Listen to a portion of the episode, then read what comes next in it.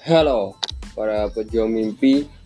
Kembali lagi di podcast Pejuang Mimpi Bareng gua Yudhistira Widi Nugroho Jadi Kita bakal bercengkrama kembali di episode kali ini. Hmm, Episode kali ini adalah episode pertama di bulan Ramadan yang gue bikin. Ya mungkin di beberapa episode lagi gue bakal ngundang lagi teman-teman gue kita ngobrol bareng mengenai apa pun. By the way, sebelum itu gue pengen ngasih tahu ke teman-teman semua. Jadi gue punya uh, program baru nih. Jadi kayak gue pengen ntar yang udah follow Instagram gue juga, gue bakal setiap minggunya gue bakal uh, podcastan bareng sama teman-teman yang lain yang mau join. Jadi ntar setiap hari apa, setiap minggunya itu ada kayak kita podcastan bareng sama setiap orang yang mau join. Dan ya mungkin ntar bakal mungkin insya Allah bakal terrealisasi gitu teman-teman. Nah sekarang gue pengen ngucapin juga selamat menunaikan ibadah puasa buat kalian yang sedang menjalankannya. Semoga di bulan Ramadan kali ini kita diberikan keimanan yang lebih rasa syukur serta nikmat yang sangat melimpah. Amin. Oke, teman-teman. Gua sekarang lagi kayak pengen ngobrol aja sama teman-teman semua. Udah lama juga kita ngebaca sama dan gua pengen uh, pengen banget sih sebenarnya bahas corona sama teman-teman yang lain juga karena kan ini adalah musuh kita bersama. Tapi sebelum kita bahas itu, alangkah baiknya kita bahas yang di bulan Ramadan ini dulu. Jadi teman-teman, nah yang gue udah sampaikan tadi, mulai besok juga gue bakal ada namanya obrolan tongkrongan bareng teman-teman gue. Nah, mungkin itu menjadi bahasan tongkrongan kita dan mungkin tongkrongan lain juga. Dan itu pula yang jadiin gue semangat lagi berkarya karena gue pengen apa ya teman-teman gue yang punya potensi dalam bercerita dalam apa yang memberikan sebuah inspirasi itu bisa kalian dapat juga. Bukan hanya buat gue tapi buat kalian juga gitu. Karena kita kan di sini sama-sama belajar dan sama-sama ingin menggapai sebuah apa ya impian.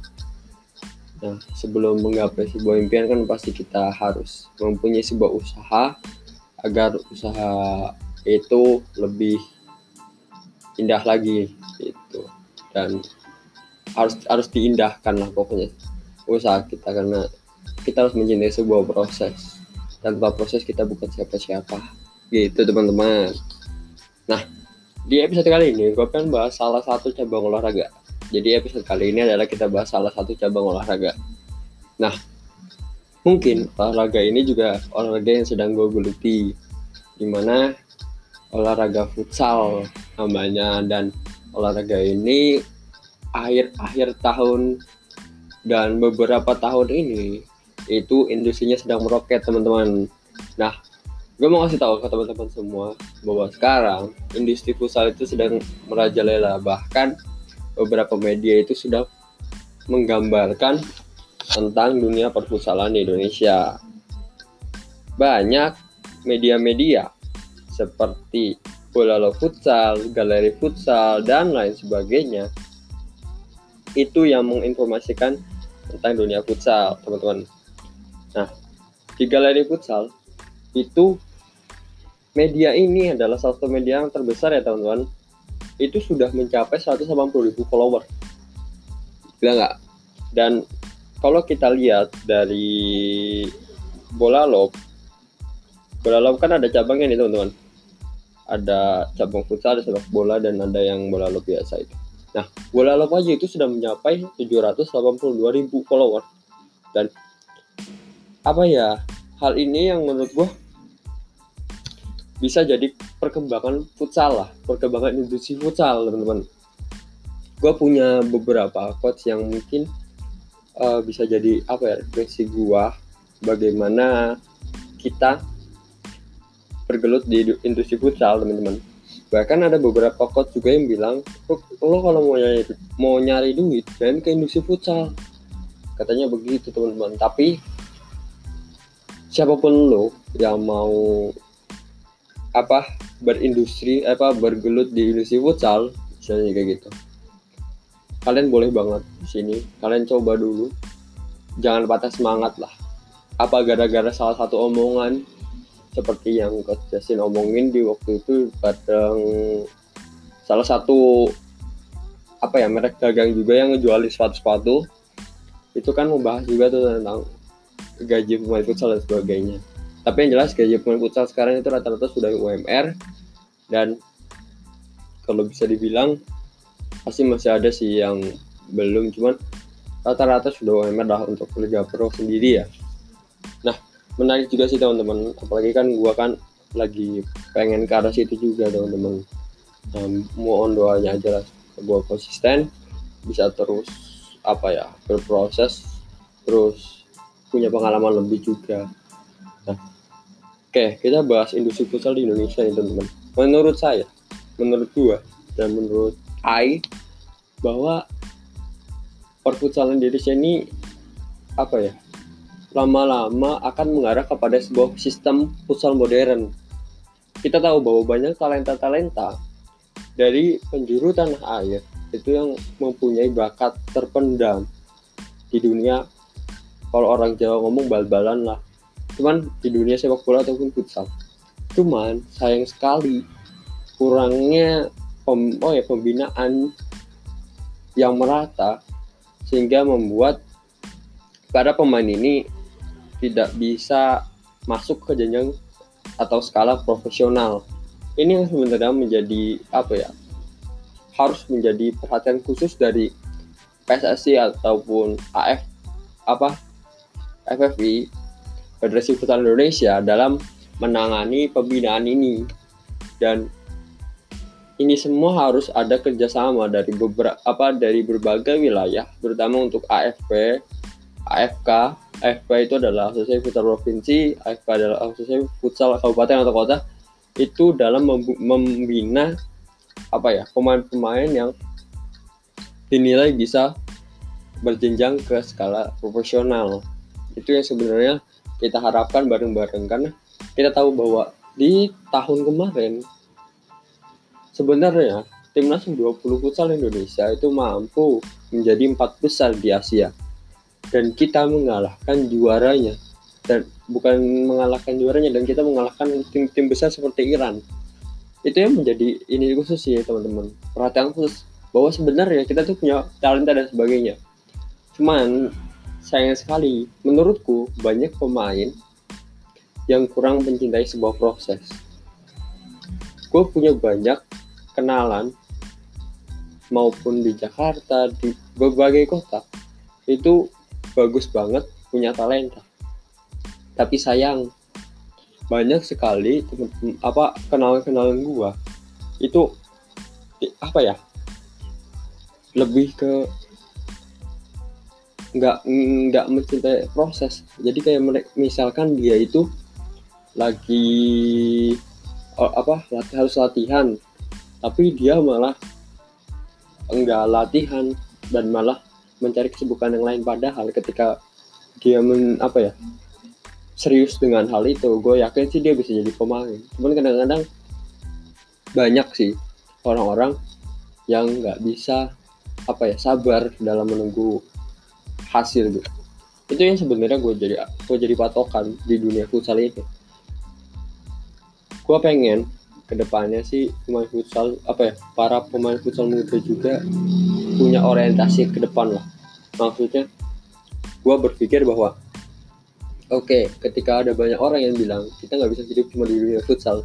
Cuman kita harus ketika kita punya mimpi kita harus kejar lah. Ya entah mimpi itu bakal kekejar atau tidak itu menurut gue adalah jalannya dari Gusti Allah. Cuman yang kita perlu cermati. Tuhan tuh nggak pernah nyuruh kita buat sukses tapi Tuhan cuma menyuruh kita buat berusaha. Itu yang selalu gua. Apa ya menjadikan sebuah patokan dalam gua uh, ber apa ya berproses gitu teman-teman.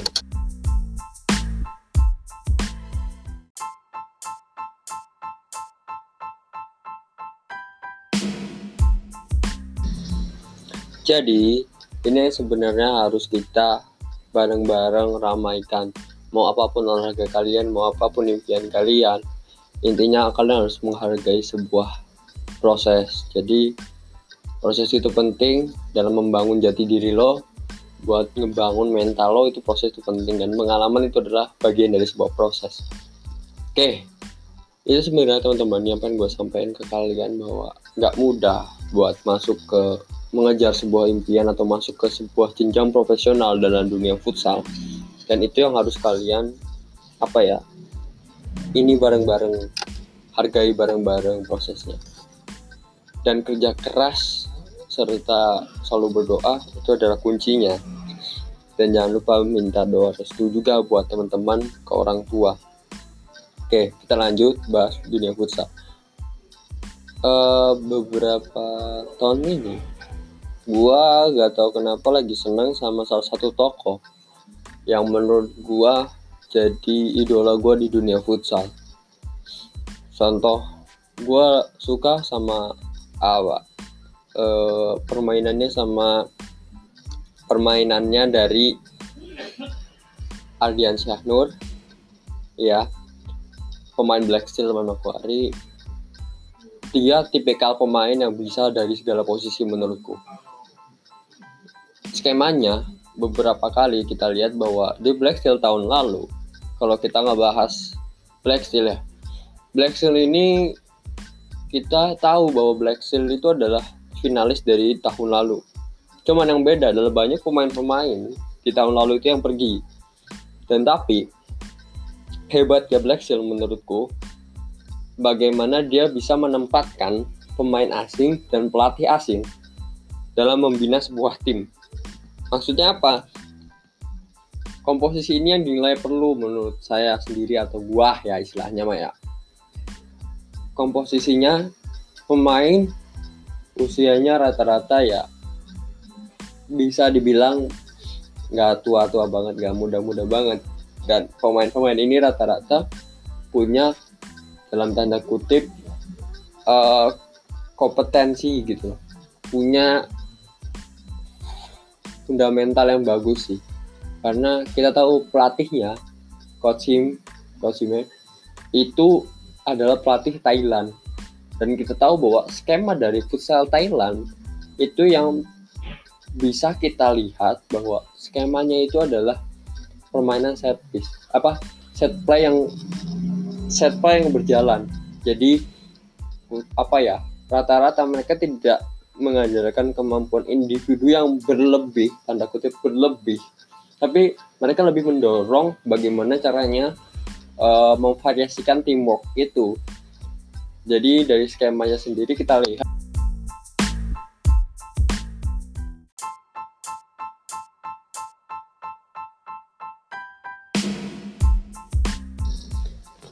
Ya iya, jadi kita bisa lihat bahwa skema ini yang dinilai bisa dijadikan acuan buat teman para pemain-pemain futsal di Indonesia. Karena kita tahu bahwa salah satu negara Asia Tenggara yang bisa ke Piala Dunia futsal itu baru Thailand. Ya, jadi bukannya ragu atau gimana, cuman Thailand ini merupakan menurut gua salah satu apa ya negara yang bisa menghasilkan sebuah pemain apa pemain dengan skema bermain set play yang bagus ya menurut gue ya itu sih yang jadi keunggulan Thailand. Di samping dengan kemampuan individu yang merata juga itu menjadi faktor pendorong sih buat futsal Thailand terus berkembang dan maju.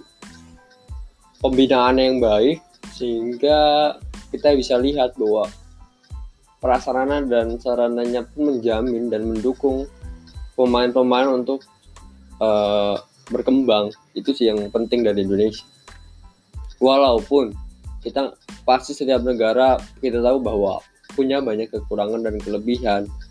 Itu yang menurut gue menjadi harus banyak faktor yang harus dibenahi dari Indonesia sendiri. Kita pasti punya kelebihan. Dari segi individu kita punya kelebihan punya talenta yang bagus. Cuman talenta aja nggak cukup teman-teman. Kita butuh pemain-pemain yang punya komitmen tinggi dalam menjunjung tinggi apa ya uh, nilai dari permainan futsal sih. Karena selama ini futsal itu ya masih di sebelah mata kan. Padahal kita sebenarnya punya pemain yang punya kualitas ya visi bermain yang bagus. Kita contoh uh, penempatan position dari Andreu dua tahun berturut-turut dia menyabet gelar top score kalau nggak salah ya. Kalau salah mohon mohon di ini mohon dibenarkan. Itu menjadi apa ya? Menurut gua positioning dia itu bagus dalam segi bermain. Karena kita tahu bahwa Andre itu seorang pivot yang apa ya? Punya talenta tinggi nah ketika seorang pivot mempunyai positioning yang bagus ditambah dengan finishing yang bagus maka menurutku menurut gua itu menjadi satu kelebihan khusus dari Andre. Makanya Andre selalu menyabet gelar top score. Walaupun timnya tidak menjadi juara tapi dia bisa menyabet gelar top score. Artinya dia mempunyai visi atau visi artinya dalam kata lain mempunyai finishing touch yang bagus. Udah kalau udah di depan gawang itu bagaimana dia menempatkan sebuah pilihan kalau ada temennya harus memberi umpan atau apa atau menyut me, apa ya men-shoot langsung itu menjadi sebuah pilihan yang pas waktu ketika Andre memutuskan itu sebenarnya yang bagus dari Andre. Nah, ini juga yang harus dibenahi sih dari pemain-pemain Indonesia ya, pemain muda yang gua cermati khususnya. Rata-rata nggak apa ya, banyak teman-teman yang gue cerita pribadi bahwa gue di liga tahun ini gue selalu kalah lebih dari angka 4-0 dan satu hal lagi yang bakal gue cermati bahwa lu ketika lu kalah lu harus berjuang bagaimana caranya lu bisa berkembang. Ya bukan malah apa ya menyempelekan dan masa bodoh sama hasil itu gitu. Gua selalu percaya bahwa perjuangan gua gak bakal sia-sia gitu. Jadi mau kalah berapapun. Dan kemarin terakhir masih kalah 3-0 atau 4-0 waktu liga itu. Tapi gue selalu percaya itu adalah kebangkitan gue dan hari itu mungkin bukan hari gue mungkin besok adalah hari gue intinya itu sih teman-teman percayalah gue gue orang yang selalu optimis sih menurut gue kita harus optimis kita harus optimis bareng-bareng lu kalah berapapun ya nggak akan apa ya nggak akan menjerumuskan lu ke apa ya kegagalan kok. Karena sejak apa ya sejatinya kegagalan tuh di mana lu udah nggak mau bangkit dan lu putus asa. Itu kegagalan yang hakiki menurut gua ketika lo punya gagal ya ketika lo gagal baru lo bisa bangkit kok. Tapi ketika lo kegagalan kegagalan menambahkan kata ke dan an di, di depan dan di belakangnya itu artinya lu udah putus asa lu udah nggak bisa bangkit. Dan apa atau mungkin lu nggak mau bangkit atau lu nggak mau putus asa itu aja sih kalau gue mau kalah berapapun menurut gue lo bermain futsal ya lu harus tetap berkembang. Ya. Kalau lo kalah gue kasih contoh. Lo kalah berapa? Empat kosong. Apa menjadi kekurangan lo lo minta sama coach lo lo benahi di latihan. Lo tambah latihan sendiri. Di rumah jaga fisik dan jaga kondisi. Itu yang penting menurut gua dibanding lu gini. Logika. Kita main ya.